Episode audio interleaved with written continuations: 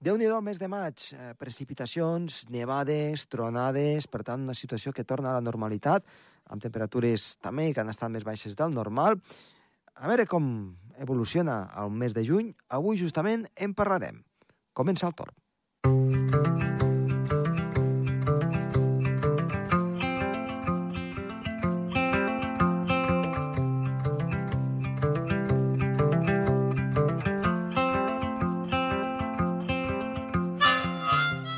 En el programa d'avui tenim en Lluís Miquel Pérez, el nostre amic i col·laborador de cada matí, meteoròleg, que ens portarà una tertúlia. De fet, hem de tenir una tertúlia amb ell per parlar una mica de com ha estat la temporada des del punt de vista meteorològic, que ens ha portat el mes de maig, que ens portarà el mes de juny, i farem un apunt, un llarg apunt, sobre el que pot ser l'estiu i la sequera. Vinga, som-hi!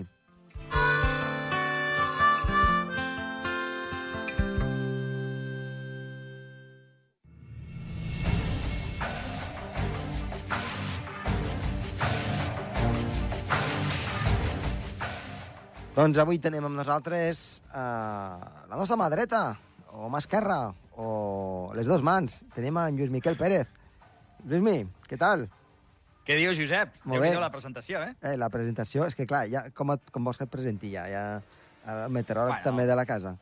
Doncs, sí, no, doncs, i tant, i tant. Eh? I que bé que ens ho passem, eh? Matinals aquí a tope i, i després doncs, agafant el relleu una mica més tard jo i mm. doncs uh, ja, estem una mica acabant la temporada i què millor de fer una mica de repàs del que, del que ha estat i eh, voldríem fer una mm -hmm. projecció de, del que ha sigut aquest mes de maig, que crec que és molt positiu, ara ho parlarem, i mm -hmm. juny, i què et sembla fem una miqueta de eh, màgia amb la nostra bola de vidre eh, per l'estiu, perquè, clar, eh, s'apunta i no saps de qui ho diu, de que ha de ser tan càlid, que tornarem a trencar rècords. Eh, què et sembla, mm -hmm. doncs, si ho anem mirant una miqueta, ho anem eh, desxifrant i així, doncs, eh, sí. deixem tranquils o no els nostres oients? Així és, eh? Mira, en, en qualsevol cas, Josep, fer previsions a dues, tres setmanes vista o més a banda que ja no és meteorologia, és astronomia gairebé, perquè és agafar el telescopi i mirar, Home. i mirar molt enllà. Pensa que astronomia és més senzill que no pas la meteorologia, sí. perquè tu saps els planetes, els cometes, quina trajectòria mm -hmm. porten i exactament on estaran en un moment donat, saps? De, sí, sí, així és. De, de, del, del moment de l'espai. En canvi... Sí, sí. sempre eh... trobes alguna estrella nova o algun exoplaneta nou o algun Clar. cometa que ha sortit d'allà del no-res. Tu saps on Però estarà sí, sí. una tempesta que s'ha format a les 3 de la tarda a les 5? Exactament? Eh, no. No. No. Acaba... No, i, més, i, i pitjor encara, Josep, i més en els temps que corren, que la gent ja no ens demana, per exemple, plourà a Andorra la vella a les 5 de la tarda? Et, dir, et diu, no, no, no, Vull saber si plourà a l'Avinguda Salou a les 5 de la tarda. Exacte. Eh, ja li és igual si plou a l'Avinguda Meritxell. No, no, vol saber l'Avinguda Salou. Per tant, clar, això és molt, molt difícil. Que bonic. Jo ja et dic que de, de partida vull el meu advocat, eh, Josep, sí. quan parlem de previsions que, estacionals. Que, que bonic és... A, a veure, no, no, no, és una crítica eh, per fer riure ara, eh? Però que bonic sí. és tots aquests eh, medis eh, doncs, eh, internacionals per tant, de que parlen de meteorologia i quan mm. diuen allò de... Mm, hi haurà algunes nevades als Alps o algun ruixat de tarda al Pirineu. I et quedes sí. tan ample. Eh? Sí, Atenció... no, ja diuen allò de no... I farà calor, eh? Quan arribi... La setmana vinent farà calor. Atenció... I estem parlant del mes de juliol, saps? Atenció al Pirineu, que hi pot haver un ruixat de tarda, i puntualment mm. fort. Sí. Aquí, aquí, aquí es demanen eh, si... Eh, a, a Meritxell farà fred o calor o hi plourà i a Sant Julià mm. farà sol. Clar. Sí, així és. Situació... I tot és Pirineu, eh? I tot, tot és Pirineu. Tot és Pirineu, eh? De fet, des de, des de Toulouse gairebé fins a, fins a Manresa tot és Pirineu, com tot és Pirineu, diu. sí, sí. Per tant, és fàcil. Eh, a veure, fent una projecció amb Està, molt llarg Manresa... si vols ara, ara ho comentem, però, però això de Manresa és... ha estat molt sí. bo, eh? Clar. Sí, no, no. Clar, nosaltres ens entenem, però ho anem a, ho anem a explicar, eh? Perquè, clar, sí. eh, aquests últims dies hi ha hagut moltes tempestes molt fortes, sí. eh, a cara sud-pirinenca i més enllà, eh? com aquell que diu, i més enllà. Mm. I, i ho han... I s'ha colat com a tempestes del Pirineu, clar. Quan... Sí. Aquí les veiem de lluny. No, aquí et dic una cosa, mira, ja que estem entre amics i tal, allò de per fer la conya, per seguir amb la conya, la, aquesta, aquest recurs de tempestes al Pirineu, te n'adones que molts dies d'estiu o bé directament no hi, no hi són, dius on, on hi són, és com una mena de comodí del públic, o bé, si hi ha tempestes al Vallès, doncs mira, tu és Pirineu, saps? De vegades doncs, també mirem les previsions d'aquella manera i potser a l'estiu ens relaxem molt. Mm, estic fent primera persona del plural, però com a mínim doncs, aquí a Ràdio Nacional d'Andorra això no ho fem. Uh -huh. Ens agrada filar una mica més prim. Però sí, sí, sí, molt sovint fins a la costa és Pirineu. Per tant, doncs deixem-ho aquí. A veure, reprenent el que m'estaves dient, Josep, a banda de tenir l'advocat per parlar del llarg termini, perquè després, clar, en els temps que corren, eh, parlar de dos mesos vista doncs és molt agosarat i molt arriscat, doncs de moment el més fàcil, com diu el gran Javier Martín Vide, anàlisi post-mortem. És fàcil, és fàcil mirar enrere i fer una estadística i una valoració del que hem tingut, una primavera que s'està mostrant com toca, des del punt de vista de temperatura, perquè el mes d'abril va ser molt càlid i el mes de maig doncs, ja s'ha comportat molt més fred. Uh -huh. I com no, amb aquestes nevades, Arcalís fins fa pocs dies tenia més neu gairebé que el mes de gener. I tant. Per tant, coses Home, que, que han anat potser ja no, però, però, però ara mateix sí, sí, sí que n'hi ha, eh? N'hi ha sí, sí, en, tota la encara coma. ens queda. Sí, sí. Sí, sí. De fet, a, que, que hi, van a, hi van arribar potser als 40 centímetres, no?, a principis Exacte. de mes.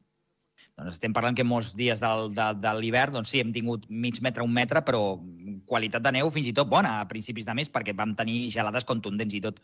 Doncs bé, de moment aquest mes de maig s'ha acabat espavilant, Sí que és veritat que són ruixades aquí i allà, nevadetes aquí i allà. Mm, en el cas del nostre país va bé, perquè no tenim la sequera que hi ha o bé a, a la Lieja, fins i tot, o bé ja directament a Catalunya, que és on és molt més greu.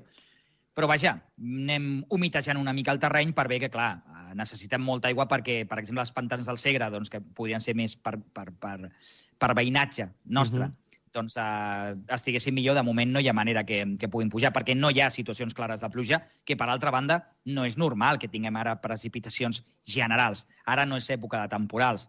Les haurem de, o els, els haurem d'anar a buscar i esperem que arribin de cares a la tardor. Però vaja, aquí a casa, nostra, a casa nostra, de moment, el mes de maig s'ha espavilat. I mira, tenint en compte que els últims anys ja el mes de maig ha fet calor, mm. l'any passat sense anar més enllà, oh, aquests dies feia moltíssima calor, moltíssima. doncs mira, ja és una... Són dues coses. Primer, és propina. A veure, és indubtable que tenim un escalfament global, ho hem comentat més d'un cop, i per tant és més fàcil que ara la calor arribi abans i se'n vagi més tard. Però també és un avís a navegants i un avís una mica als clickbaiteros, eh, que els hi va molt això de no havia passat això mai, i aquest any encara serà més calorós que el 2022. Dius, anem a veure, per què va ser tan calorós el 2022? Van ser factors molt, molt puntuals. Eh, 2023 ja va... De moment ja serà un mes menys de calor. Per tant, ja no serà tan calorós com l'any passat, ja t'ho dic. Per molta calor que faci el juliol i l'agost, que després, si vols, comentem, penso que tampoc serà per tant. Farà calor, com toca, però no n'hi haurà per tant. Uh, de fet, sí, eh? l'únic que això es podia rematar amb el mes d'abril, no?, que, que hem tingut. Sí.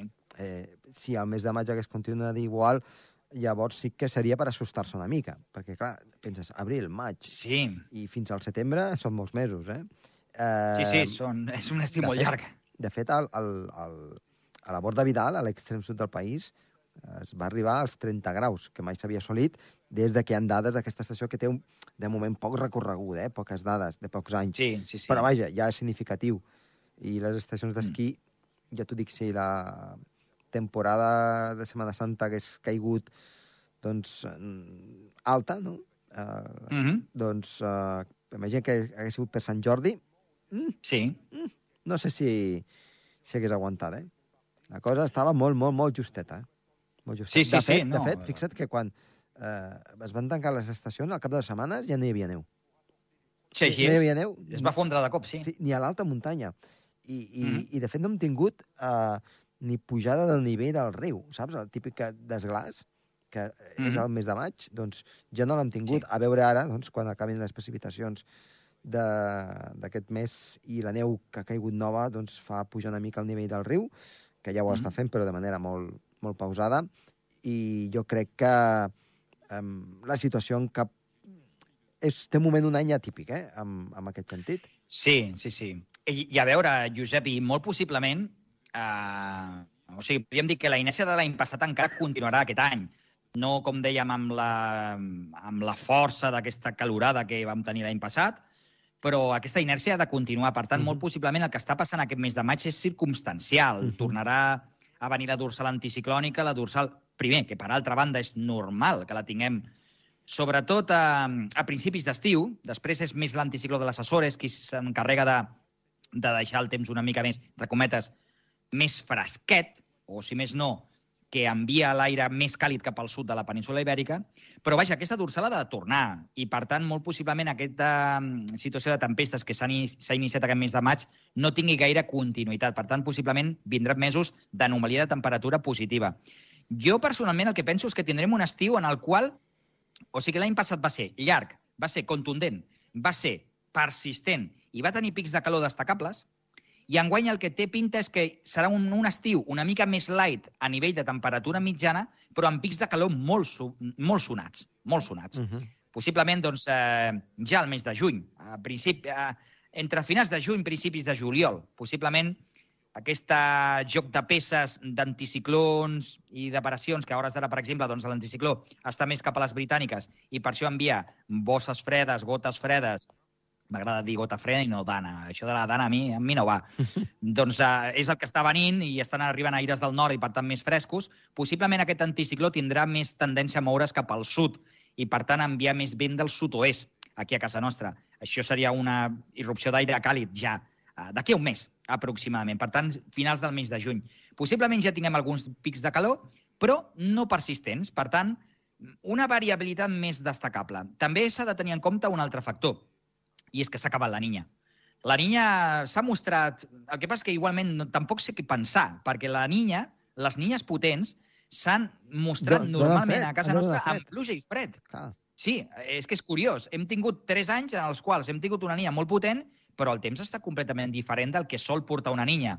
I tradicionalment, no ho oblidem, tradicionalment els niños són de sequeres al sud d'Europa. Uh -huh. I ara entrarem en un niño fort. Per tant, si seguim aquesta estadística, la sequera encara continuarà. Ara, com aquesta estadística ja no hi ha per on agafar-la, com el refrener ja no serveix de res a no, no, no, de fa clar. 30 anys, doncs vés a saber què passarà en guany. El que està clar és que tampoc, amb això de niño o niña, no és com en un nen o una nena de veritat, que ràpidament les, la saps diferenciar. Aquí, el fet que pugui venir niño o niña, vés a saber el que acabarà comportant el país, o en el cas del sud d'Europa. Clar, parlem moltes vegades de les teleconnexions, no? Um, mm -hmm. De la niña vam parlar. Um, sí. Va tenir...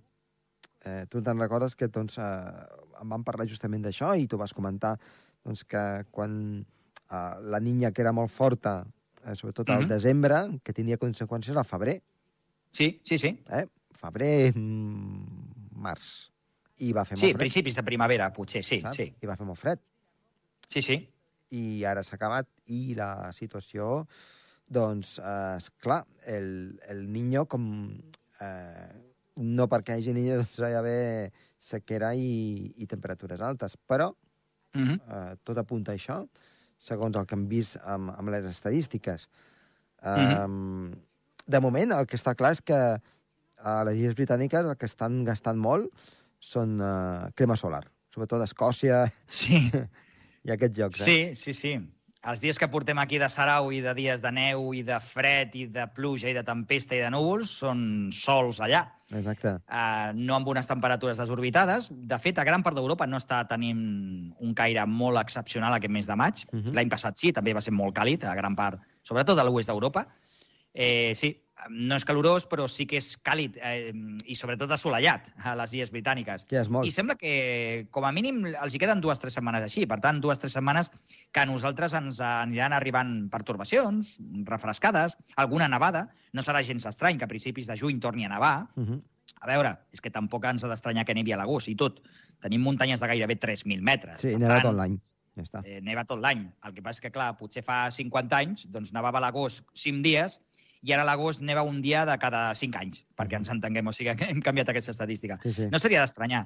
Ara bé, tot sembla indicar també que aquestes dorsals i aquest aire més calent tindrà ganes d'arribar des d'Àfrica.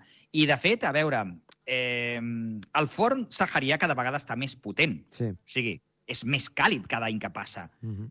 sí, el planeta és més càlid i una de les zones a les quals s'està escalfant més és latitud mitjanes. Per tant, cap a aquesta banda subtropical ja, fins i tot l'escalfament és més important. I també fes l'exercici, o, o de fet, jo sé que tu l'has fet, però a la nostra audiència jo li demano un exercici que és molt senzill. Tu agafa un mapa físic del món, tu agafa una bola del món i dona-li la volta. Eh, però un mapa físic, d'aquells que es veuen els, els colors i típics que es veu molt verd a l'Amazònia i molt groc al Sàhara, eh, dona-li la volta i mira on estem. I mira el que tindríem al nostre... O sigui, el que tenim a la vora, que és el Sàhara. És una extensió brutalment gran, de molta calor, d'un ambient molt eixut i d'un ambient, lògicament, que està tot, tot ple de pols. Per tant, aquí moltes vegades se'ns diu no, és que vindran irrupcions d'aire fred i els mesos d'hivern seran set. Dius, mm, què penses, que vius a Lapònia? Que ni a Lapònia està fent el fred que últimament fa. Aquest any sí que la, la cosa ha anat freda. Però, per exemple, doncs, a gran part del nord d'Europa s'ha escalfat també, d'una sí, forma tant. evident. Sí, sí. Però, vaja, no és Islàndia, això. Això no és a eh, Terranova, que està al costat de la gènesi del fred. Nosaltres estem al costat del forn. I, per tant, així que el vent giri mínimament cap al sud i ja no dic que vingui una entrada d'aire càlid important, sinó que comenci a xiular, xiular, entremig d'una esquerda, com fa el vent entre les persianes. Només que xiuli una mica, o xiu-xiuegi el vent del sud, ja la tenim liada en quant a calor. Per tant, ens venen mesos durs, segur. Bé, com, com sempre ha passat, eh, també. Sí, sí, sí. Uh, tenim la sort que l'anticicló de les Açores envia normalment aquesta massa tan càlida més cap al sud, perquè posant-se les Açores, també la gent pensa, home, és que l'anticló de les Açores fa que hi hagi sequera. Entre d'altres coses, el que provoca que l'estiu no sigui tòrrid. A veure, també... Però, clar, també... Portem alguns anys que, que l'anticicló de les Açores ni està ni se l'espera. Ja. Per tant, clar, en el seu lloc que s'ha de posar una pertorbació, i les pertorbacions a les Açores ja sabem que aquí irremeiablement són entrades d'aire càlid. Sí, i, i a part, després també, eh, quan hi ha, hi ha aquestes zones de pantà baromètric, eh, s'acaben formant, doncs, eh, doncs, eh, baixes tèrmiques, no? Que, sí, no, també, sí, sí. també ajuden una mica a les típiques tempestes d'estiu, només que entri una miqueta d'aire mm. fred, al, al juliol o agost, no? Sobretot ja, ja, sí, sí. ja a l'agost. Té pinta... Mira, de fet, Josep, té pinta que enguany tindrem la baixa tèrmica bastant potent uh mhm. -huh. i probablement tinguem un, de, un estiu com els que teníem fa anys, o més que com els que teníem fa anys, com els que eren més freqüents fa anys, perquè també fa anys hi havia estius secs. Sí, I hi havia clar. sequeres. Per tant, aquí, que ningú s'esveri. El que passa és que ara hi ha una demanda d'aigua tan gran, això seria un altre... Això són figues d'un altre paner. Però aquí no tenim aigua per diversos motius, entre d'altres perquè hi ha molta més demanda d'aigua, més que no plogui com a plovia abans. Ara, ara després et diré una cosa. Continua, continua. Molt bé. Doncs el que et deia, de, teníem sequeres abans i també hi havia anys que eren bons en quant a tempestes. I sembla que enguany pot ser aquest cas cas de tempestes de tarda al Pirineu, moltes tardes. Uh -huh. I, per tant, al nostre país, doncs, molts dies de canvis subtes de situació. L'any passat, al mes d'agost, vam tenir una colla de dies de tempesta, i el juliol va ser sec, el setembre també. Possiblement enguany, setembre, o sigui, juliol, agost i setembre, siguin algunes tempestes. Això aniria bé, o anirà bé, o aniria, vaja, eh, per refrescar una mica les muntanyes i que el risc d'incendi no fos tan elevat. Uh -huh. Però, bueno, que ens arriba una època de... Perquè tinguem una idea, ja des d'ara i fins ben bé al mes d'agost, cada dia hi ha una mitjana de 6 litres per metre quadrat d'evaporació. Cada dia una mitjana de 6 litres. Què vol dir això? Que si tu tens una rotonda, per exemple, i la tens plantada de gespa, com n'hi ha moltes, i té, res, 100 metres quadrats, que seria una rotonda petita, aquella rotonda està gastant cada dia 600 litres d'aigua. Cada dia. O sigui, cada dos dies és un metre cúbic d'aigua. Uh -huh. Què vol dir? Que si no plou, mmm, tu pots tenir un dia un ruixat de 20 litres per metre quadrat, o imagina, de 30, que és un ruixat important, però si no torna a ploure, al cap de 5 dies, justos, aquella aigua s'ha evaporat. Per tant, aquesta aigua no servirà per omplir embassaments ni per tenir un bosc completament humit, però sempre és millor que vagi ruixant de tant en tant. Uh -huh. És el que sembla que passarà enguany. Doncs et volia comentar doncs, que eh, fixa't que molta fruita, molta verdura, darrerament, sí. no? Aquests darrers anys, venen del nord d'Àfrica, venen del Marroc, sobretot. Mm. Sí, sí, sí. Eh, jo et pregunto, al Marroc hi plou més que a la península Ibèrica? Del centre i del al Marroc, al Marroc tenen zones molt plujoses, però és que, per exemple, tot i que la gent no ho sàpiga, o no s'ho cregui, al sud d'Espanya també hi ha zones molt plujoses. Uh -huh. Per exemple, gran part de la província de Càdiz i ja no allò típic que es diu sempre que surt als manuals de meteo, els manuals de geografia. Grazalema. Exacte. La, si conocía Grazalema, no? És que Grazalema és un lloc que plou molt i està a Cádiz. allà, al costat d'Ubrique, eh, amb el famós del Currupipi, aquell paio que el torero. deien que era, tur... era el torero, el trollero, més aviat. doncs bé, una, una àrea molt plujosa que és aquella, però és que gran part de la província de Cádiz té més de 1.000 litres per metre quadrat l'any. Sí que és cert que des d'ara fins al mes d'octubre és com si foten una persiana i diuen aquí no cau ni una gota. Com passa a Sevilla. Sevilla té la mateixa pluja, la mateixa no té més pluja que Barcelona. I la gent té la percepció que a Sevilla no hi plou mai. Per tant, hi ha llocs del Marroc que tenen molta precipitació, llocs sobretot de l'Atlas, que tenen més de 2.000 litres per metre quadrat l'any. Una cosa important que tenen al Marroc és que també saben aprofitar l'aigua de la humitat de la boira. Ara. Tenen molta boira allà, al, a la costa occidental. Per exemple, allà cap al Sàhara occidental. Mhm. Uh -huh. Tenen molta boira, com passa a les Canàries. I se sap que d'aquesta boira es poden arribar a recollir més de 5.000 litres per metre quadrat any. Clar, això és aigua que es pot aprofitar. I després, eh, les, les eh, com es diu allò, la, eh, les tecnologies del desalat també estan arribant allà. Molta aigua que es desala i que es pot aprofitar per regar. I una cosa important, molta part de la fruita que ens està arribant és una fruita de secar, com era abans. Els melons i les síndries sempre han estat de secar. Però, clar, hi va arribar un moment que per més producció doncs, li cardaves la, la, la, el regadiu, com passa ara amb el blat o amb la vinya, Sí, però sí. no s'han regat mai. Clar, d'aquesta manera t'assegures a poder, a poder tenir sempre collita i no haver d'estar pendent si plou o no. Però part d'aquesta collita que, que ens arriba és de secar. Aquesta, aquestes síndries que semblen pilotes de, Mhm. de rugby supergrans, que són, a propòsit són de les més bones que hi ha, perquè tenen encara aquestes pipes. A mi, jo sóc de síndria amb pipes. Doncs bé... A, a part, eh, un contingut en sucre més elevat degut a, a, a, Sí. amb aquesta... A, a que són de secar, precisament, no? Sí, així és, així és. De fet, eh, quins són els millors eh, melons? Doncs els que venen ja de cara al mes d'agost, que venen de la Manxa, que venen sense regar. Bueno, o com a mínim te'ls venen com que són sense regar. Són més d'usos, però són més, mm, el que dius tu, no? Són, tenen un contingut de glucosa més important. Bé, part d'aquesta producció que ve des del Marroc, part de raó és perquè plou bastant, però sobretot perquè l'aigua la saben aprofitar. Uh -huh. I perquè, clar, i perquè des del punt de vista eh, econòmic i productiu i geopolític ens interessa tenir molta producció allà, clar. Uh -huh. Per tant, hi ha un, una situació molt clara d'aprofitament de, de l'aigua, cosa que a la península ibèrica, Sí, també, sí. també aquí a Andorra, per què no, eh, no s'està Mhm. fent de, de la millor manera, fugues d'aigua, eh, eh, podríem dir molt, moltes coses, no? I eh, Sí. jo recordo l'anterior sequera, crec que era el 2003 o 2006, 2008. 2008, 2000, sí, 2008 fou l'última, sí. eh, es van dir que farien moltes coses, sobretot a, el que és a, a, la, a la conurbació de Barcelona, no?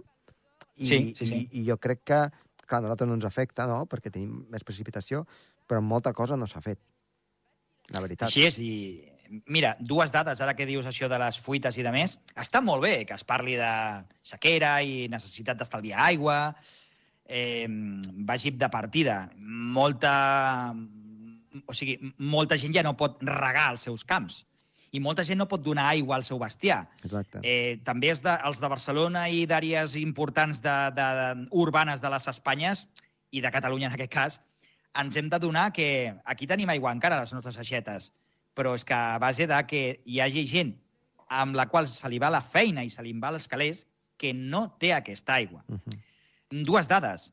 A Espanya, mira, el pantà de Rialp, ple, té 430 hectòmetres cúbics. Ple. I mira si és un mar, que ara és un mar de fang. Sí, sí. Eh, 430. A Espanya es perden 700 hectòmetres cúbics l'any en fuites. 700. I una altra dada. Saps el tan conegut trasbassament del Tajo al Segura? Sí. Perquè es pugui regar a Múrcia. El 40% de l'aigua que surt d'entre Penyes, Buendia i Alarcón, allà al Tajo, el 40% no arriba a Múrcia. I faré una mica la conya, però no és perquè els del País Valencià o la Comunitat Valenciana robin aquesta aigua, que ja ja sabem que hi ha determinades persones que els agrada molt això de ficar la mà a la butxaca, a la butxaca i al calaix. Eh, o la caixa. No, és aigua, per fuites, per evaporació, per males conduccions. 40% d'aigua. Concretament, 28 hectòmetres cúbics, Clar. que és l'aigua que gastem al Principat d'Andorra en un any, i més. I més. Per tant, eh, Aquí, aquí és on... ens ho hem de fer mirar. Ens ho hem Exacte. de fer mirar. Exacte. Doncs, uh, Lluís Mi, moltíssimes gràcies per estar avui aquí amb nosaltres i, com sempre, t'esperem una propera Mhm. vegada. A veure, després de la tardor, a veure què passa. A veure, vinga, adéu-siau. Vagi bé.